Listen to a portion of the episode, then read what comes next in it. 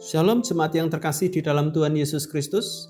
Penuntun saat teduh Sinode Gereja Kristen Jakarta. Hari ini Sabtu 5 Februari 2022. Judul renungan Sukacita Menabur Kebaikan.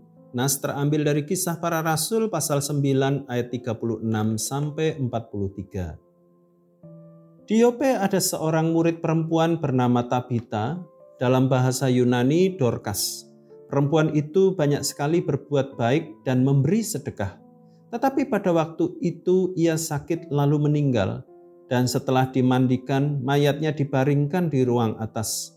Lida dekat dengan Yope, ketika murid-murid mendengar bahwa Petrus ada di Lida, mereka menyuruh dua orang kepadanya dengan permintaan, "Segeralah datang ke tempat kami." Maka berkemaslah Petrus dan berangkat bersama-sama dengan mereka. Setelah sampai di sana, ia dibawa ke ruang atas dan semua janda datang berdiri dekatnya dan sambil menangis mereka menunjukkan kepadanya semua baju dan pakaian yang dibuat Dorcas waktu ia masih hidup.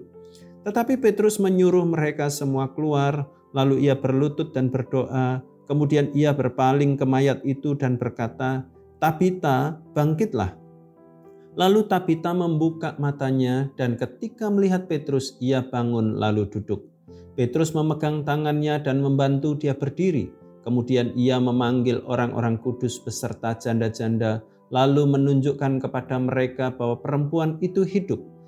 Peristiwa itu tersiar di seluruh Yope dan banyak orang menjadi percaya kepada Tuhan. Kemudian daripada itu Petrus tinggal beberapa hari di Yope di rumah seorang yang bernama Simon, seorang penyamak kulit.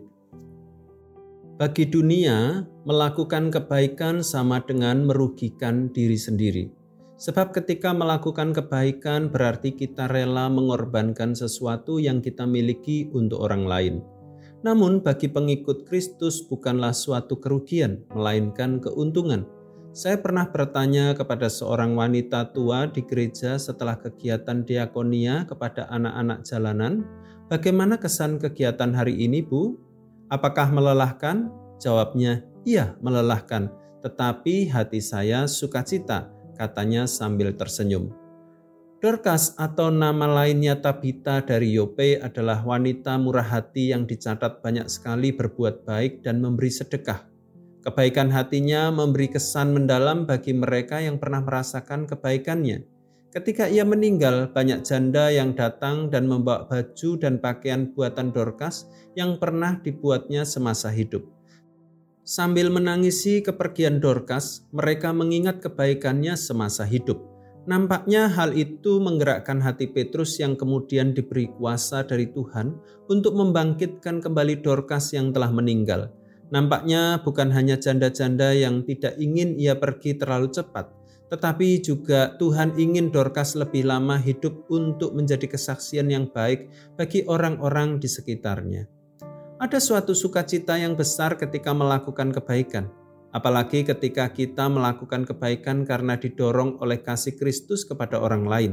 Sukacita menabur kebaikan bukan hanya mengubah hidup orang lain, namun juga mengubah hidup kita. Ketika kita melakukan kebaikan, kita sedang turut menjalankan rencana Tuhan bagi kebaikan dunia ini.